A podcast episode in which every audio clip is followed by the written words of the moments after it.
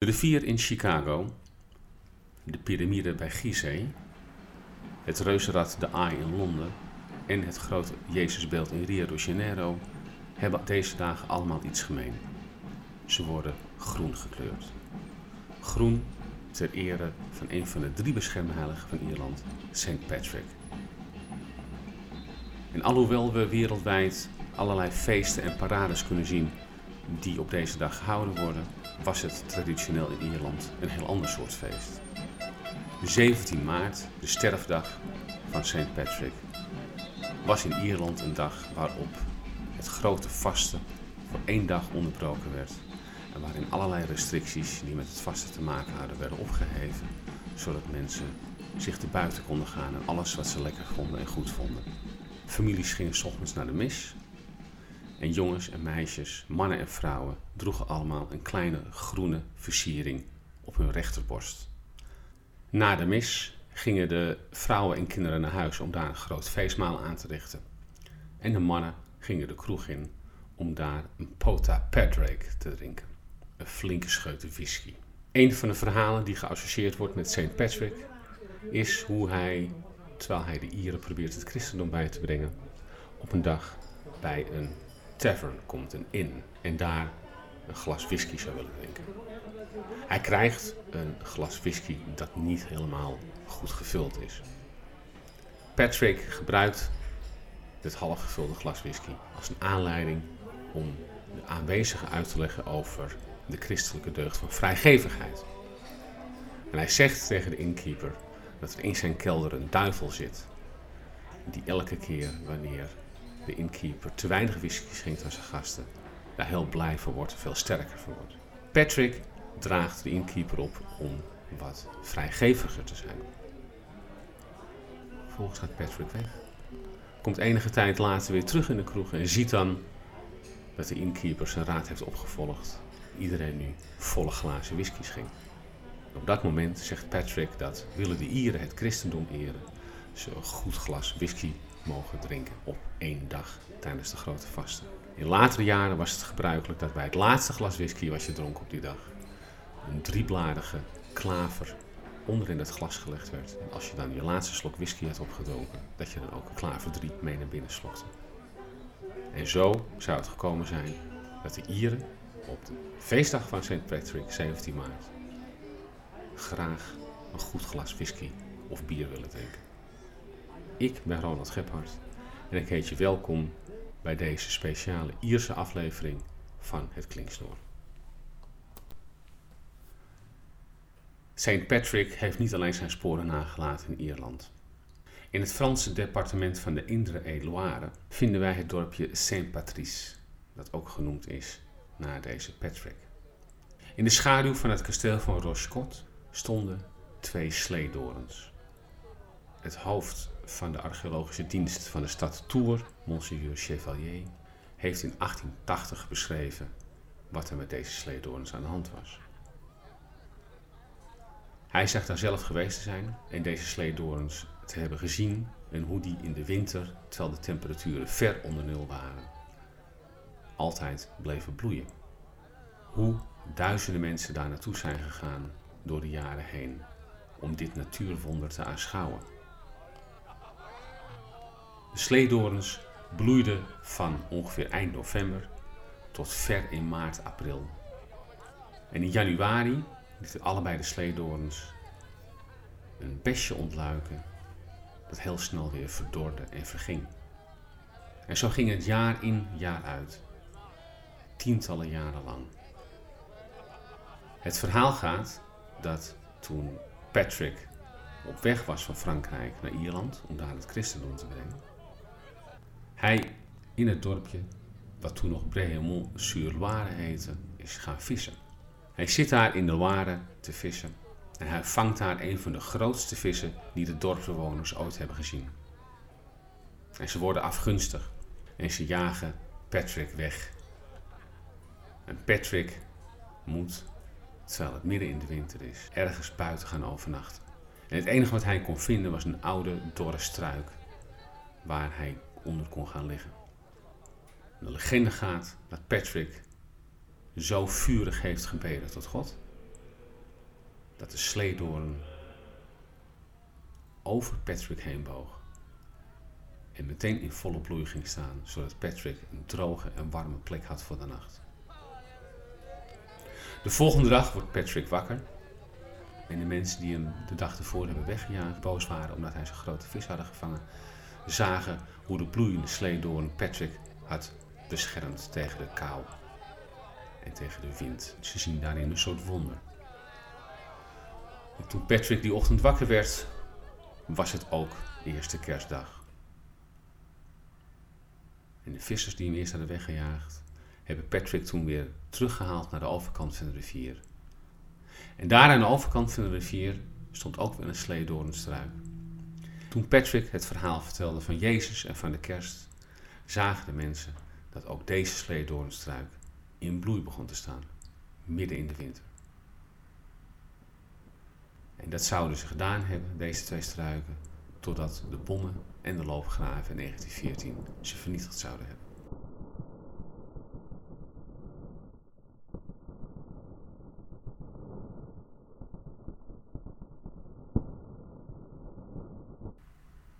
Zoals gezegd, Monseigneur Chevalier zou in 1880 zijn geweest en met eigen ogen hebben gezien hoe de sleedoorns midden in de winter vol van sap zaten in hun bast en in hun takken. Hoe de bloemen daar in bloei stonden en hoe er elke januari één besje eenzaam naar voren kwam en heel snel weer verdorde. Op de plek waar Patrick het christendom aan de Franse boeren gebracht zou moeten hebben.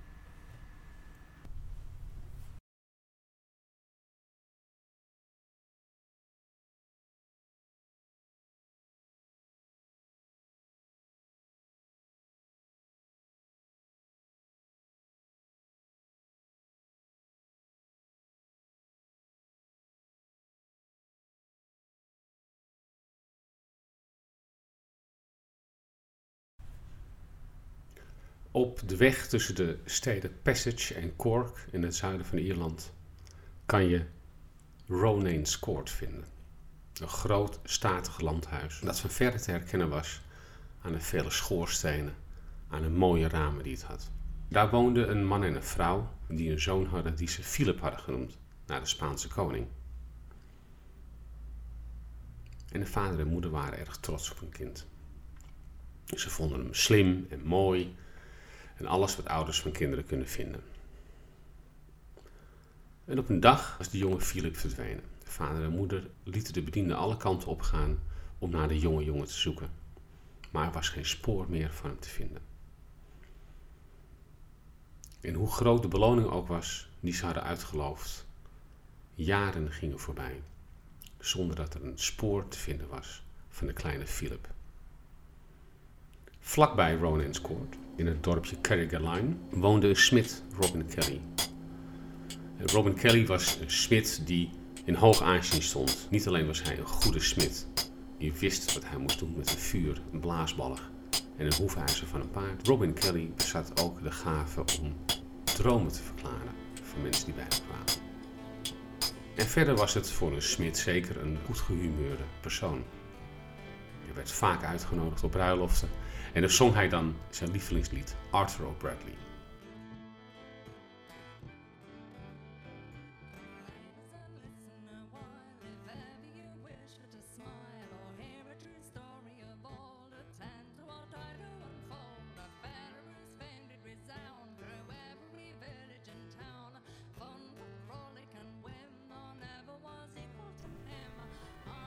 Nu gebeurde het een aantal jaren later dat Robin Kelly zelf een vreemde droom kreeg, waarin de jonge Philip op een wit paard naar hem toe kwam.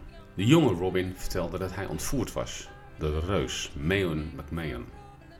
En dat hij hem had meegenomen naar de rotsformatie die in de baai van Cork lag en die de Giant Stairs werden genoemd, de reuzentreden. En de jonge Robin vertelde dat Meon McMahon hem vasthield en hem een van zijn paasjes had gemaakt aan zijn hof waar hij woonde met zijn drie andere reuzenbroers. En het hof was verborgen in de Giant Stairs. En hij vertelde Robin Kelly: De zeven jaar van mijn dienst zitten er bijna op. Als het jou lukt om mij vandaag te bevrijden, dan kan ik met jou mee teruggaan naar mijn vader en moeder en verder wonen op Ronan's Court. Robin, die altijd de droom van anderen had voorspeld, wist niet wat hij mee moest. Hoe weet ik nou dat het echt is? Je bent maar een droom. Goed, zegt Philip, dan geef ik je dit als teken. En mits dat hij dat had gezegd, sloeg het witte paard met een van zijn achterbenen op het voorhoofd van Robin Kelly. Zodat hij gillend en schreeuwend wakker werd en duizend vloeken vloekte. Maar toen hij voelde aan zijn voorhoofd en toen hij keek in de spiegel, zag hij duidelijk daar dus afdruk van het hoefijzer van het witte paard waarop Philip gezeten had. En Robin dacht bij zichzelf, dan moet deze droom wel waar zijn. En dan zal ik moeten gaan zoeken naar deze Philip. Vlakbij lag de haven van Cork, die uitzicht bood op de Giant Stairs. En de Giant Stairs was een hele bijzondere, hele grote rotspartij, waarin rotsen als het ware als een soort reuzentreden neergelegd waren. Die heel goed konden dienen als treden voor de voeten, voor de grote voeten en grote benen van een reus. De treden die kwamen omhoog uit het water en liepen op, zodat iedereen vanuit de haven de Giant Stairs kon zien. Robin Kelly besluit hierop om naar Tom Clancy te gaan. Tom Clancy een van de vissers en een goede vriend van Robin. Tom Clancy zegt tegen Robin dat hij hem wel wil helpen. Dat hij met zijn boot zal gaan roeien naar de Giant Stairs met Robin Kelly erin. En dat hij daar zal wachten om te zien wat er gebeurt. En na goed gegeten te hebben, gaan ze samen in het, boot zitten, in het bootje zitten van Tom Clancy, die hun naar de Giant Stairs roeit. En terwijl ze daar roeien en de maan schijnt over dat vlakke water, is er niets anders te horen dan het getik van de roeispanen in het water, het gefluit van een enkele vogel en het geklots van het water tegen het bootje.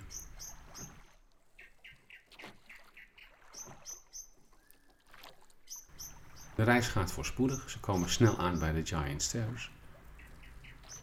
En wat ze niet weten is dat de Giant Stairs één keer per jaar ze beschenen worden door de volle maan. De ingang laten zien van het kasteel van Mayen McMahon en zijn broers. Op het moment dat ze er aankomen, zien ze niets. En wordt Robin een beetje wanhopig, zegt tegen Tom Clancy. Wat ben ik een idioot geweest. Wie zijn wij nou eigenlijk dat we gewoon, omdat iemand dat gedroomd heeft, hier naartoe moeten roeien? Tom Clancy zegt ook, ja, wie zijn schuld is dat eigenlijk dan? En mits dat hij dat gezegd heeft, is het middernacht. En zien ze een vreemd licht ontluiken aan de rotsen bovenop de Giant Stairs. En het vreemde licht laat de ingang zien van het kasteel van Mayen McMahon en zijn broers. En de ingang is een van de meest wonderlijke die ze ooit hebben gezien. Waarbij je niet meer kunt zien waar de ene steen ophoudt en waar de andere begint. Eén grote vormeloze massa van stenen met daar middenin een ingang naar het kasteel.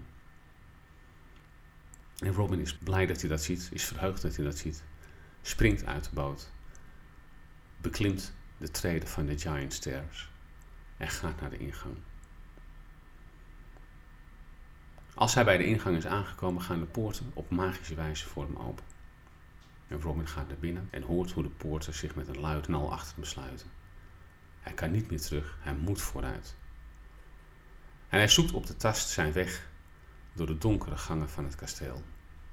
En hij zegt op een gegeven moment tegen zichzelf: Robin, Robin, als je al niet een idioot was dat je hier komt, wat ben je dan nu, nu je zo in deze donkere gangen loopt?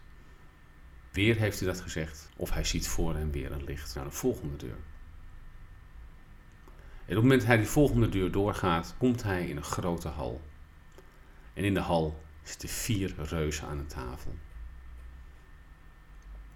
Mayen McMahon zit aan het hoofd en zijn drie broers zitten naast hem. En Mayen McMahon is zo'n grote reus, zo ontzagwekkend groot, dat Robin echt wel bang wordt. En Mayen McMahon zit er waarschijnlijk zo lang dat zijn baard is vastgegroeid aan de stenen tafel. Robin loopt verder naar binnen. En op dat moment ziet Mayen McMahon hem springt op en roept: Wat kom jij hier doen? Waarop Robin bang geworden, zegt: Ik heb een droom gehad waarin ik de kleine Philip Ronayne heb gezien, die mij opgedragen heeft om hier te komen. Goed, zegt de reus, dan laat ik je één ding vertellen. Jij krijgt de kans om de jonge Philip Ronayne mee te nemen. Maar dan moet je hem wel kunnen kiezen uit alle andere jongens die ik hier heb in mijn kasteel. En hij neemt Robin Kelly mee naar een andere hal. En Robin zingt de moed in de schoenen. Want in die andere hal zitten honderden jonge jongens die allemaal paasjes zijn geworden in het kasteel van May en McMahon en zijn broers. En May en McMahon vertelt Robin dan nog een keer: je krijgt één kans om jouw Philip Ronayne hier uit te kiezen. Als je verkeerd kiest, wordt dat je dood. Maar als je goed kiest, mag je hem meenemen. En Robin kijkt naar al die jongens, al die jonge jongens die er als paasjes zijn in het kasteel. En hij weet in eerste instantie niet wie hij moet kiezen. Hij bekijkt alle kinderen stuk voor stuk en hij wijst aan één jongen aan die volgens hem Philip Ronayne is, die hij alleen maar gezien heeft in de droom en daarvoor niet. En op dat moment beginnen alle andere jonge paasjes te zingen. En dit is Philip Ronayne, happy Philip Ronayne. En Rowan pakt Philip Ronayne vast. En op dat moment gaan alle lichten uit in het kasteel. Ontbrandt zich een oorverdovend geraas om hem heen. En Robin weet niet waar hij naartoe moet. hij blijft stilstaan en hij houdt Philip Ronayne vast. En dan valt hij flauw. En als hij de volgende ochtend wakker wordt, bovenop de stenen van de Giant Stairs, heeft hij de jonge Philip Ronayne stevig in zijn armen vast. En keert hij weer terug naar de boot van Tom Clancy, die terugroeit naar de haven van Cork. En wanneer Robin weer terug is en Philip weer terug is gekomen bij zijn ouders, heeft hij natuurlijk genoeg te vertellen van zijn avontuur met May en McMahon. En alle mensen uit Passage, uit Cork, uit Monkstown, uit Carrigaline komen naar hem toe om het verhaal te horen. En het geeft Robin Kelly nog meer aanzien en nog meer uitnodigingen voor allerlei bruiloftsfeesten. Op een gegeven moment vraagt iemand wel van, maar hoe weet je nou zeker dat dit Philip Ronayne was? Weet ik dat zeker? Dat is een rare vraag, zegt Robin dan steeds. Kijk eens naar die jongen. Hij heeft de blauwe ogen van zijn moeder. En hij heeft het rossige haar van zijn vader. En nu heeft hij ook nog een hele kleine vrat op zijn rechter neusvleugel zitten. En de ouders van Philip Ronayne zijn zo blij dat ze allerlei beloningen geven. Waarmee Robin Kelly tot het einde van zijn dagen een goed en welvarend leven kan leiden. Je hebt geluisterd naar weer een aflevering van de podcast Het Klinksnoer. Ook deze aflevering is gemaakt en geproduceerd door mij, Ronald Gebhardt. Laat weten wat je ervan vindt via Stitcher, iTunes, Soundcloud of hoe je deze podcast verder ook luistert. Ik hoop je over twee weken weer te mogen ontvangen als luisteraar van deze podcast over mythen, zagen, sprookjes en legenden van over de hele wereld. Tot dan.